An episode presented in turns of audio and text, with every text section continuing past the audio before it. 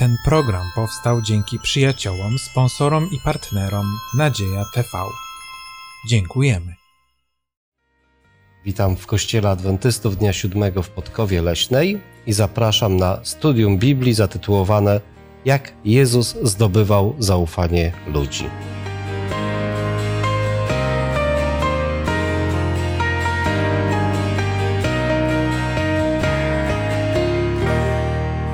Ze mną są dzisiaj Anna, Janusz i Ryszard. Ja mam na imię Remigiusz i będziemy mieli przyjemność razem z Wami studiować dzisiejszą lekcję. Rozpoczniemy nasze dzisiejsze spotkanie modlitwą. Kochany Ojcze, spotkaliśmy się tutaj, by studiować Twoje słowo, by mówić o Twojej miłości, dobroci do nas, by mówić o tym, co Jezus chciał przekazać nam, tu obecnym, a także innym ludziom.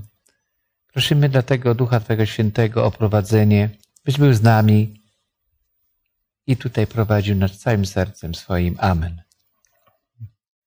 W 1980 roku w Australii wydarzyła się tragedia związana ze śmiercią dziewięciotygodniowej dziewczynki Azari Chamberlain. Jej matkę skazano na więzienie, przypisując jej morderstwo dziecka, chociaż matka przez cały czas utrzymywała, że dziecko zostało porwane przez psy dingo. Przy okazji tej tragedii w mediach australijskich pojawiło się wiele negatywnych opinii na temat Kościoła Adwentystów Dnia Siódmego, do którego należeli rodzice dziecka. Pewien dziennikarz i prawnik John Bryson postanowił zbadać tę sprawę, ponieważ te informacje nie pasowały mu do obrazu Adwentystów Dnia Siódmego, jaki znał z dzieciństwa, kiedy zaprzyjaźniona z nim rodzina często zabierała go na narty. Jego głębokie śledztwo dziennikarskie pomogło później w uniewinnieniu kobiety. Ten człowiek, który nie był chrześcijaninem, nie był adwentystą Dnia Siódmego, w oparciu o opinię, jaką wyniósł ze swojego dzieciństwa, nie dał wiary mediom i ta dobra opinia, jaką miał, spowodowała chęć zbadania sprawy. Chciałbym Was zapytać, czy byliście w sytuacjach, w których stawaliście przed wyzwaniem uzyskiwania zaufania ludzi w Waszym otoczeniu? Ja powiem z doświadczenia swojego, jak straciłem zaufanie, a później ile czasu musiałem o nie, jak to się mówi, walczyć. No, swoją drogą, którą wybrałem, świat, który szeroki wybrałem, troszeczkę nawywijałem. Wśród swojej rodziny uchodziłem za człowieka, że niegodnego nawet, żeby mu pożyczyć jakieś pieniążki, żeby, żeby nawet e, przede mną były zamykane nawet drzwi. Ale z chwilą, gdy później poznałem w swoim życiu Chrystusa, minął pewien czas i dzisiaj mogę powiedzieć, że po tylu latach jestem tak radosny, bo Chrystus pomógł mi odzyskać moich braci, zaufanie wśród nich i to jest takie e, cudowne, że teraz gdybym się zwrócił o pożyczkę czy o coś, nikt przede mną drzwi nie zamknie. I to jest cudowne. A w jaki sposób to zaufanie odzyskałeś? No to, że grzeczny się stałem, no można by powiedzieć w tym sensie, ale Chrystus mi pomógł odnaleźć się w życiu, odnaleźć, zostawić całe to swoje stare życie i iść za nim. To tylko dzięki niemu. Y, Ja pamiętam jeszcze swoje lata, kiedy chodziłem do szkoły podstawowej, ponieważ miałem starsze rodzeństwo, starszych braci, a szkoła, do której chodziłem, była dosyć mała, więc y, wszyscy się znali i było niezwykle przyjemną rzeczą, kiedy nauczyciele traktowali mnie ze względu na znajomość moich braci dużo lepiej niż innych. Czasami to było aż może takie nie nad wyraz, że ja aż tak nie byłem godny takiego zaufania, jak oni e, chcieli mi powierzać. I to jest e, bardzo nobilitujące dla człowieka, kiedy inni obdarzają go zaufaniem na podstawie tego, co wiedzą e, o nim albo o osobach mu bliskich. A ja może trochę inaczej powiem o tym zaufaniu. Kiedyś y, miałam do załatwienia pewną rzecz poza, miejscem zamieszkania i kiedy udałam się w podróż, byłam zdana tylko na siebie. Mm, I opowiadałam tą historię potem mojej koleżance w pracy, a ona do mnie mówi, wiesz co, to były tak poważne rzeczy, a ty mówisz to z takim spokojem, tak miałaś to wszystko zaplanowane. Ja mówię, nie, ja nie miałam nic zaplanowane, to wszystko było spo, wyszło spod mojej kontroli. Ale mówi, wygląda tak, że ty byłaś spokojnie i, yy, i opanowana w tej trudnej sytuacji. I kiedy skończyłyśmy rozmowę, zastanawiałam się, co tak faktycznie spowodowało mm, takie moje zachowanie. I wtedy sobie uświadomiłam, że to było zaufanie do kogoś. To było zaufanie do Boga, który, y, kiedy wychodzę z domu, to zawsze prosimy y, o szczęśliwy powrót, ale również i opiekę.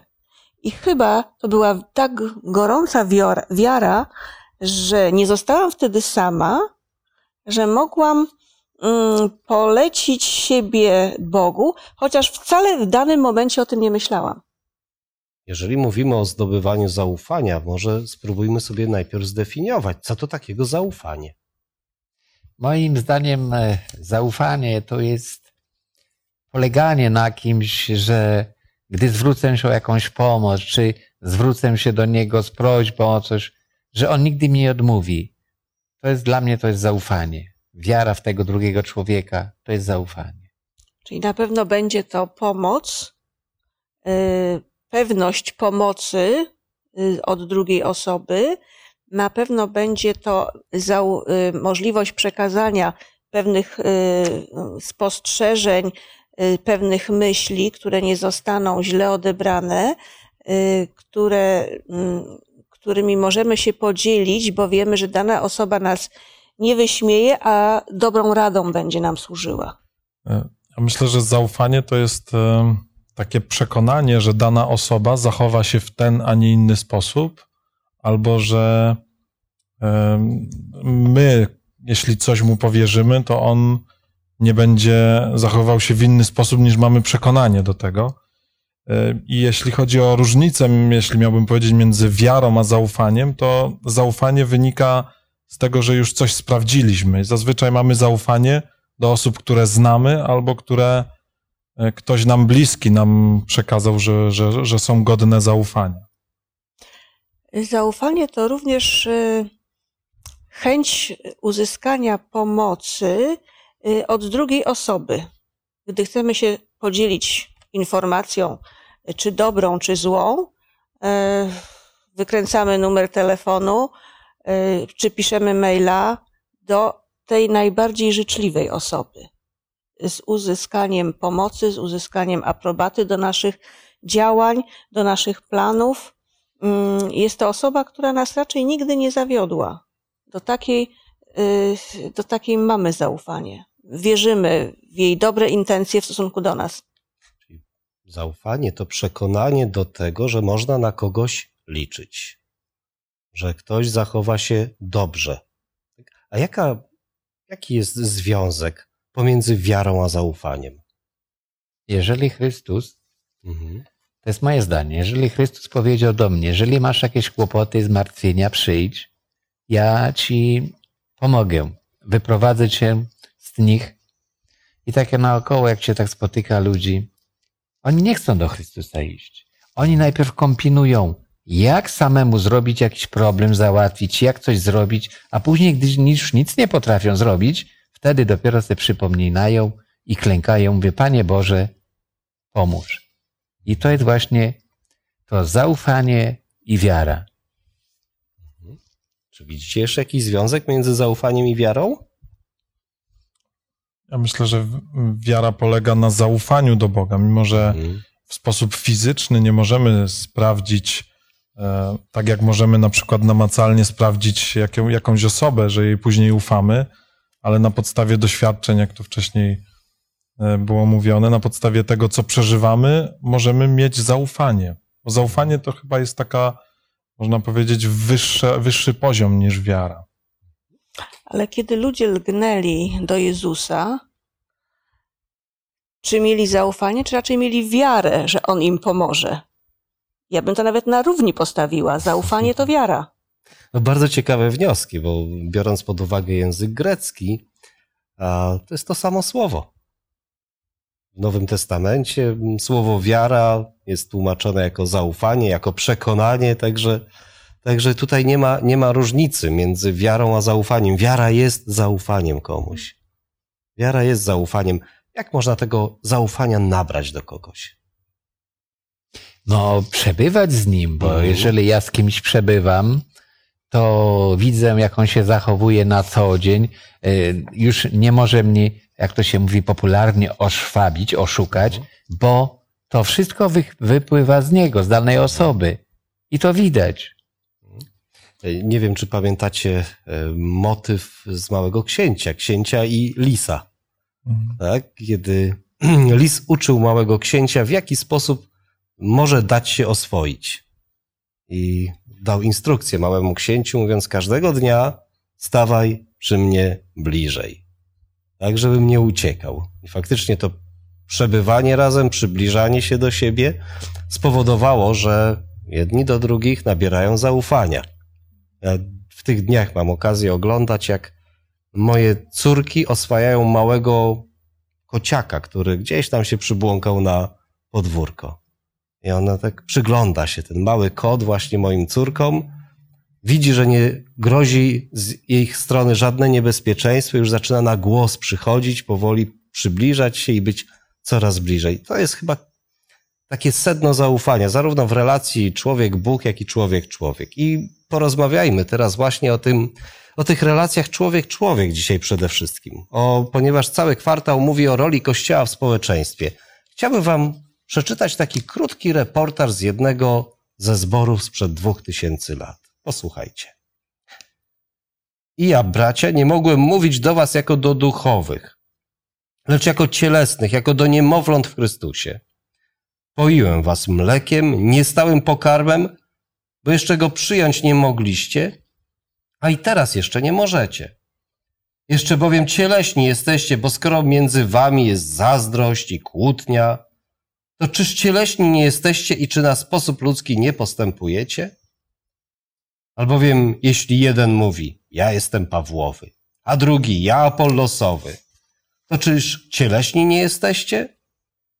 Bo któż jest Apollos? Albo któż jest Paweł? Słudzy, dzięki którym uwierzyliście, a z których każdy dokonał tyle, ile dał mu Pan. Ja zasadziłem, Apollos podlał, a wzrost dał Bóg. Słyszy się powszechnie o wszeteczeństwie między wami. I to w takim wszeteczeństwie, jakiego nie ma nawet między poganami. Mianowicie, że ktoś żyje z żoną ojca swego.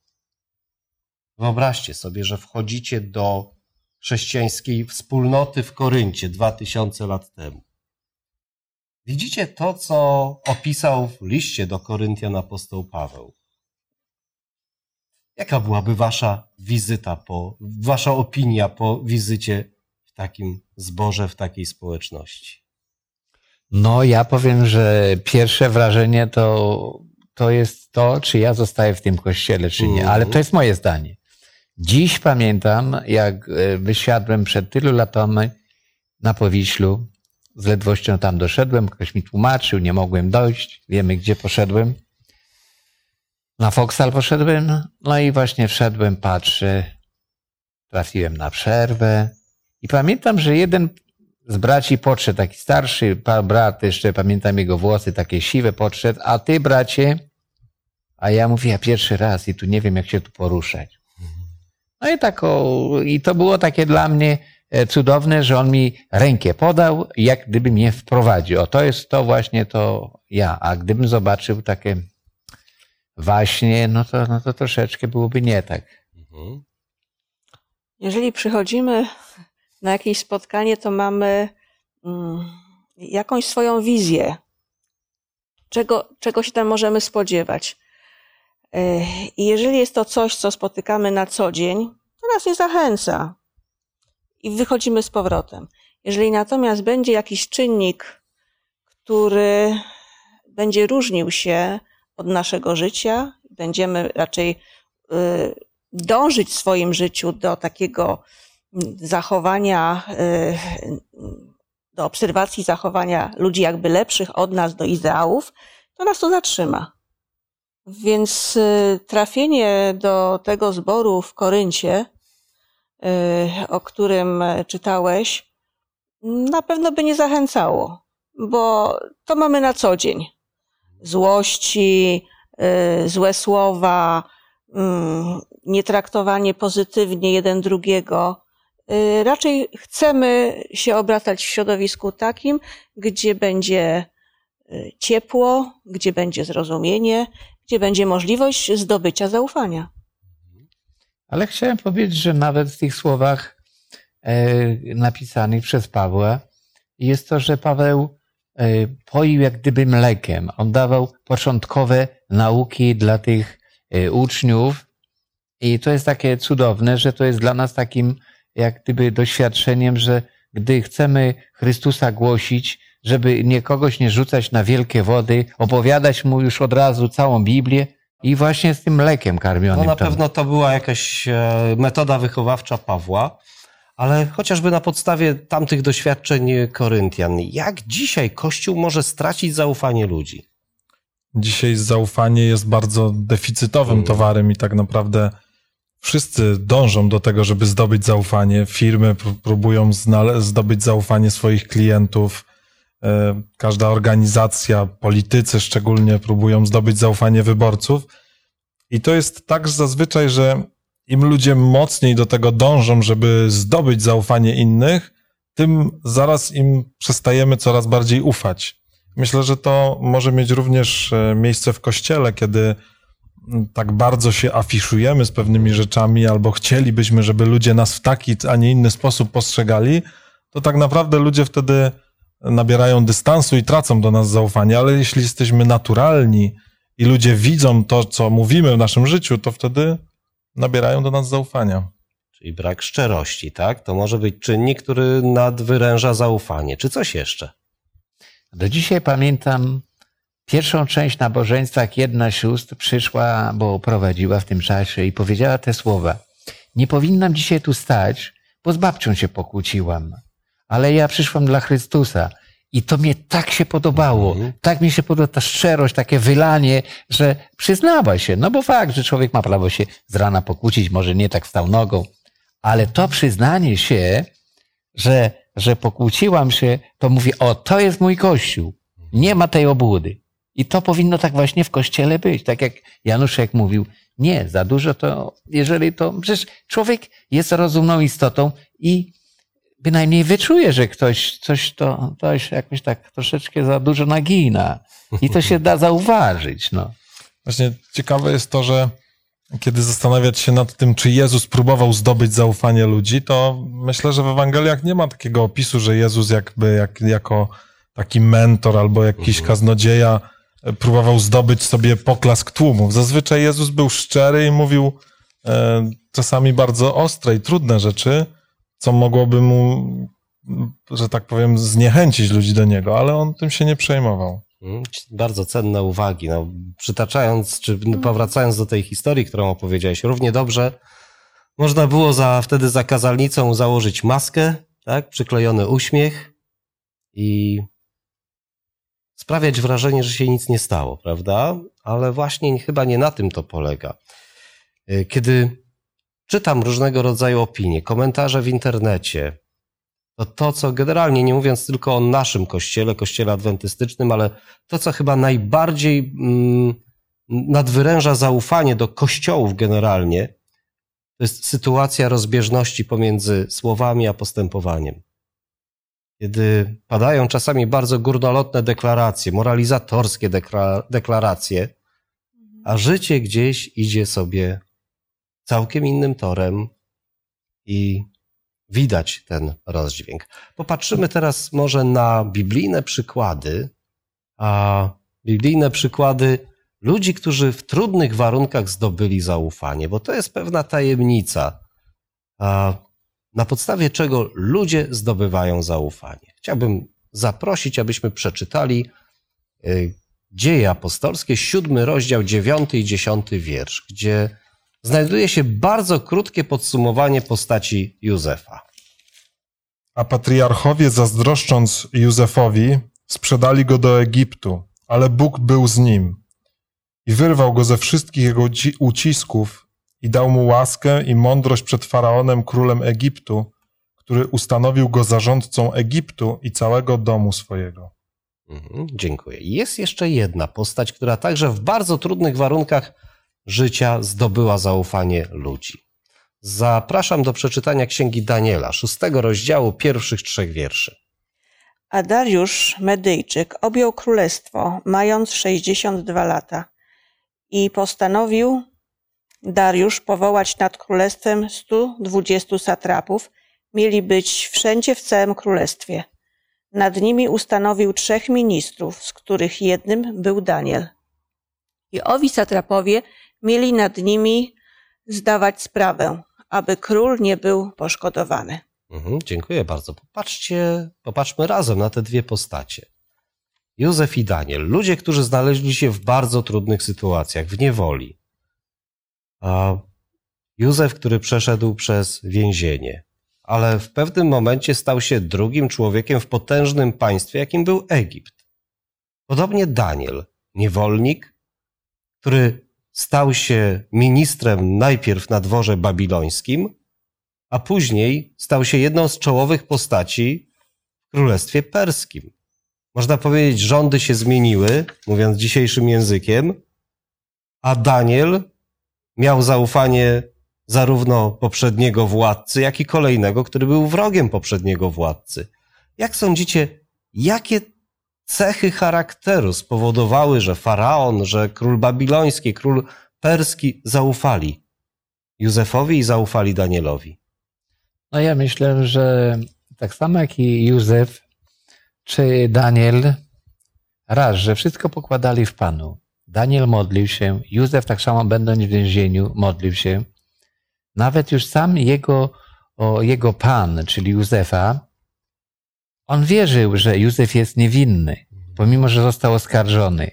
Ale w tym widać było, jak to powiedziane było, że widać była ręka Pana, która, która mimo wszystko cały czas czuwała nad Józefem. Z Danielem znowu. Daniel modlił się mimo zakazu. Zawsze stawiał sobie, kładł sobie dywanik, modlił się w stronę Jerozolimy. Cały czas był jednego, jak to się mówi, e, jednej swojej opcji, bym powiedział w ten sposób, niezmienny, oddany Bogu. I właśnie tym przykładem, że nie zmieniał się człowiek ani charakter, on cały czas był jednakowy, nie, nie ulegał żadnym, załóżmy, e, tak jak rządy, no to rządy są, no przecież można i kasę zdobyć, i, tylko on był uczciwym człowiekiem, tak samo jak i Józef, to dlatego tak zostali w tym wszystkim. Mhm.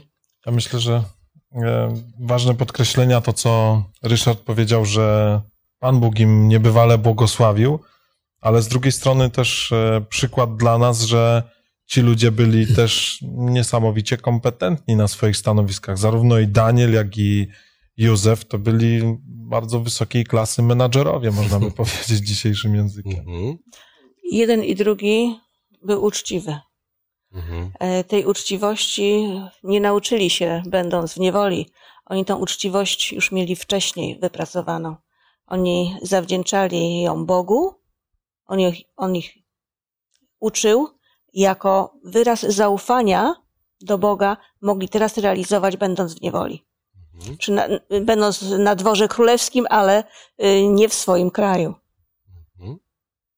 Zobaczcie, moglibyśmy pod te cechy, o których powiedzieliście, podłożyć różne teksty Biblii, które byłyby potwierdzeniem tego. Tak? Tutaj podstawą a, tego zaufania czy osobowości był żywy, autentyczny, osobisty kontakt z Bogiem. Zarówno Józef, jak i Daniel byli ludźmi modlitwy. Przede wszystkim o Danielu. W tym samym rozdziale czytamy o jego praktyce stałej, systematycznej modlitwy wbrew wszelkim przeciwnościom. Yy, Także bardzo ważna cecha, jak- jaką jest pełne zaangażowanie i włożenie całego serca w powierzone zadanie. Tak jak Salomon napisał, na co natknie się Twoja ręka, to zrób według Twojej możliwości. Bez takiego kalkulowania, dla kogo się pracuje, za ile się pracuje, tylko wkładanie całego serca, uczciwość, która chyba jest bardzo ważną cechą w nabieraniu do kogoś zaufania. Jeżeli ktoś jest prawdomówny, jeżeli postępuje uczciwie, jeżeli nie ma w jego postępowania nawet cienia fałszu, no powoduje, że niezależnie od pochodzenia, pozycji, z której się wychodzi, inni nabierają zaufania. Czy jeszcze jakieś cechy moglibyśmy tutaj um, znaleźć w tych dwóch postaciach, które mogą być bardzo ważną wskazówką dla nas, gdy wchodzimy do jakiegoś środowiska, no i nie jesteśmy na początku obdarzani zaufaniem. Ja myślę, że też, e, co jest bardzo trudną rzeczą, ale przykład tych dwóch osób właśnie to pokazuje, że e, ludzie ufają takim osobom, które bez względu na koszty Mhm. będą cały czas stałe na swoim stanowisku.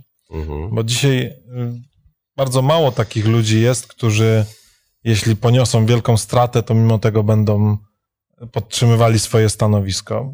Powiedzą później, że tylko krowa zdania nie zmienia, i oni akurat je zmienili. I mm, to jest czasami bardzo trudne dla nas, żeby stać na swoim stanowisku, ale jeśli takimi ludźmi będziemy za, za przykładem, czy Daniela, czy Józefa, to ludzie wtedy mają zaufanie. Niestety czasami wiąże się to z dużymi kosztami dla nas. Tak, to też dzisiaj jest cechą nie zawsze cenioną to, że ktoś potrafi mieć własne zdanie i trzymać się tego zdania niezależnie od tego, jakie to przyniesie konsekwencje, szczególnie w życiu zawodowym.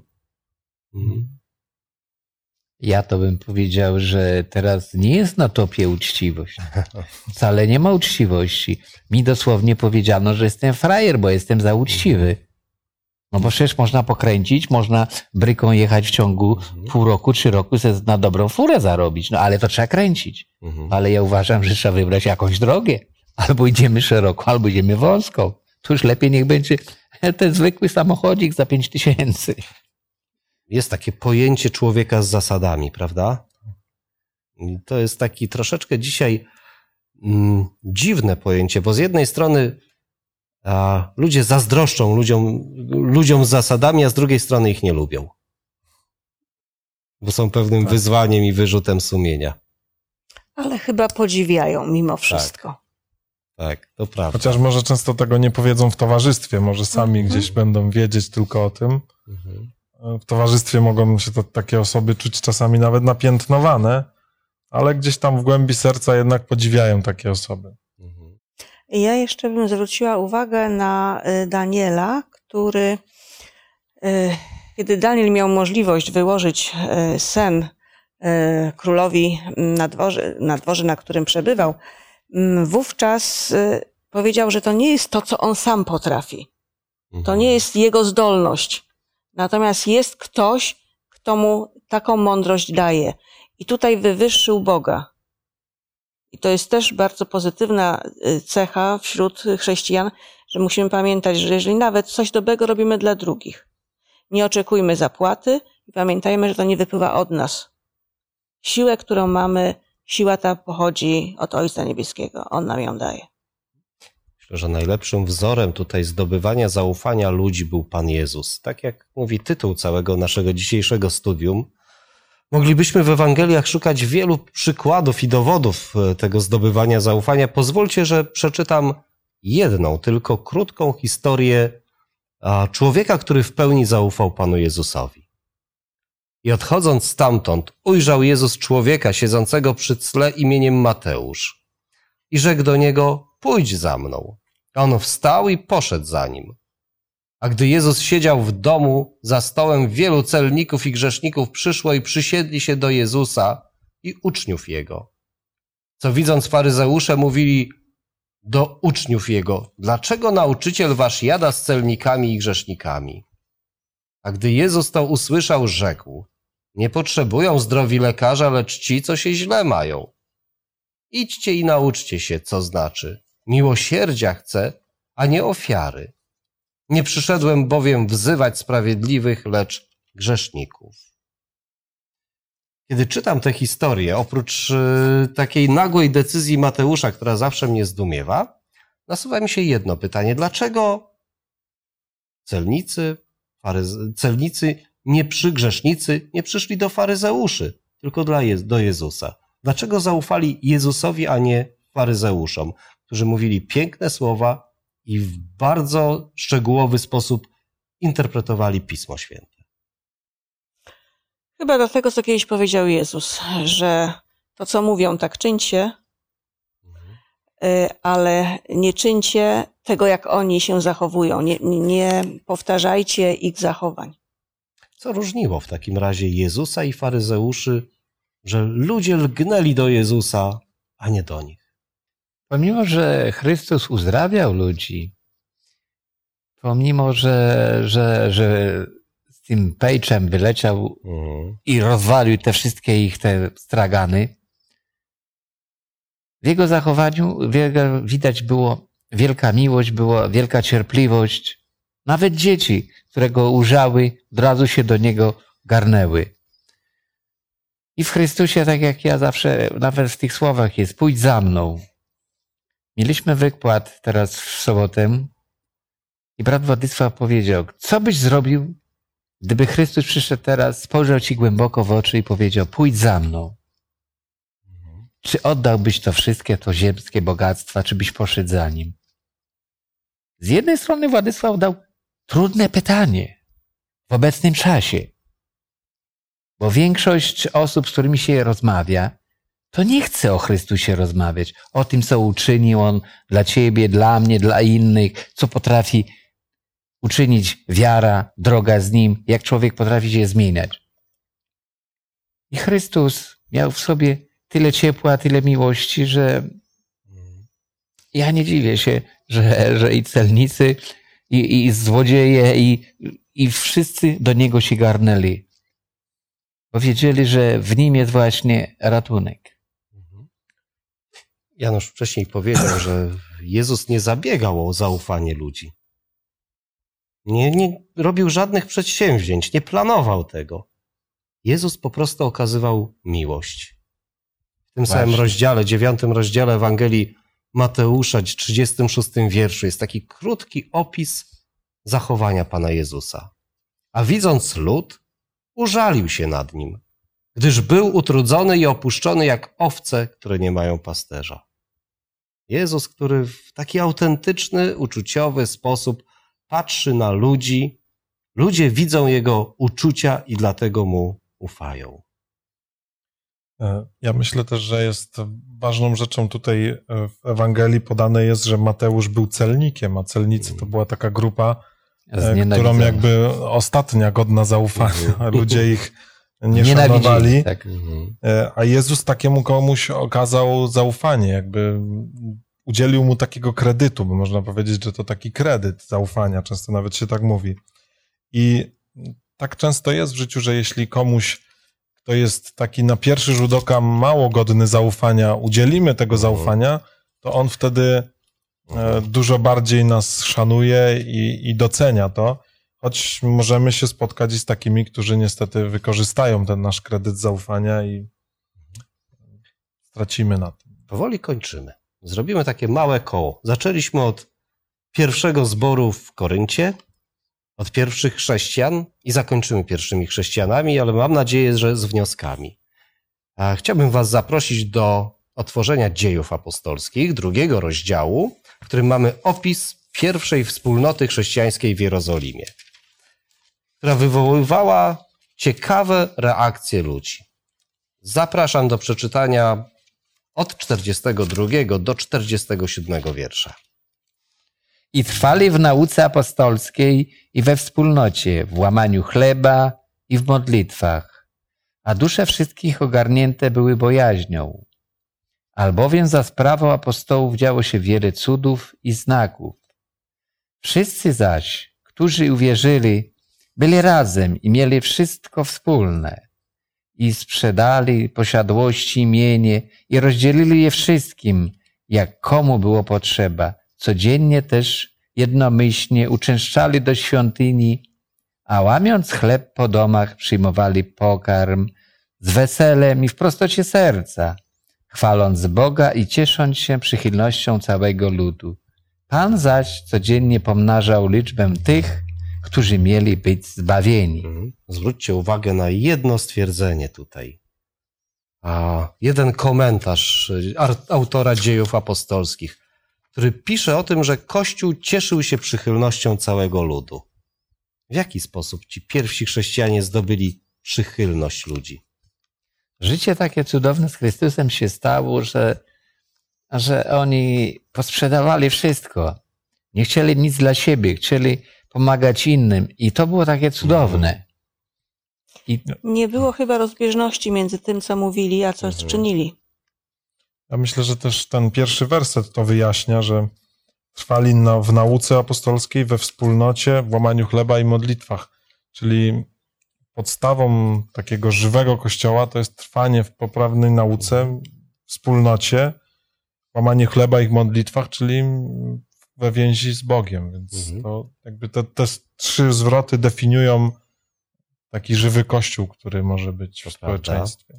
To prawda, ja doświadczyłem podobne i podobnych, może nie aż na taką skalę, przychylności czy zaufania w swojej służbie, kiedy razem z całym moim zborem, razem z nowym budynkiem znaleźliśmy się w całkowicie nowym otoczeniu. Pamiętam pierwsze wrażenia ludzi, którzy tak z dystansem do nas podchodzili, pierwsze spotkania, które organizowaliśmy, na które prawie nikt nie przychodził, dlatego że Ludzie obawiali się przekroczyć próg nieznanego miejsca, nieznanych ludzi, nieznanej wspólnoty. Ale mm, także wynikająca z obserwacji, takie zaangażowanie w pomoc ludziom, a dostarczanie żywności osobom ubogim, współpraca ze szkołami, które są w naszym otoczeniu, którym właśnie rodzinom z tych szkół udzielaliśmy pomocy, no spowodowały, że ten poziom nieufności bardzo się obniżył, a wręcz powiększył. I, i, i w tej chwili inaczej jesteśmy postrzegani. To też jest ciekawe, że ten pierwszy zbór z jednej strony cieszył się przychylnością wszystkich ludzi, a z drugiej był prześladowany. Jak to pogodzić? zawsze są dobrzy i źli. Mm, I tymi słowami bym to zakończył.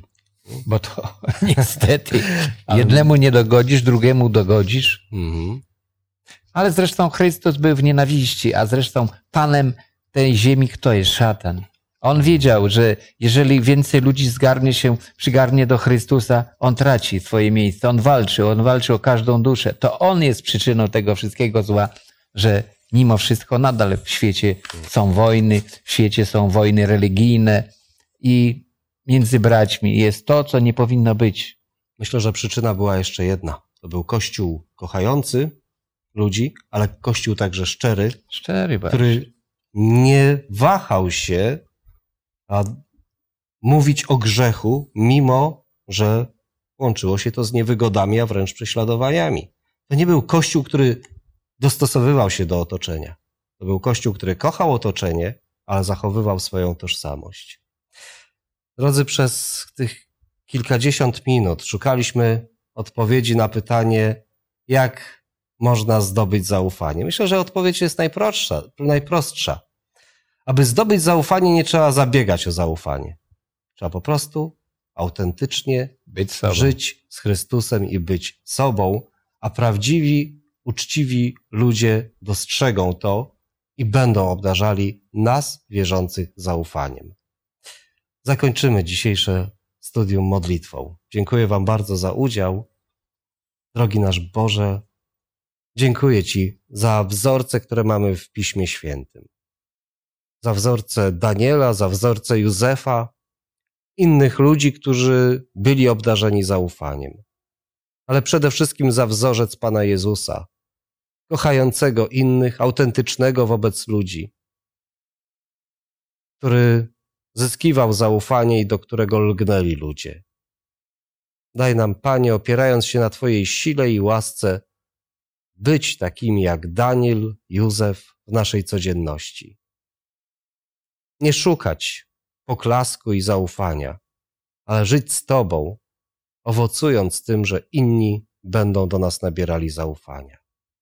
Oto proszę w imieniu Pana Jezusa. Amen. Amen. Serdecznie zapraszam na studium za tydzień zatytułowane Jezus wzywał, pójdźcie za mną. W czasie tego studium będziemy mówić o tym, jak szukać Bożego głosu i jak odpowiadać na Boży głos wzywający do pójścia za Jezusem.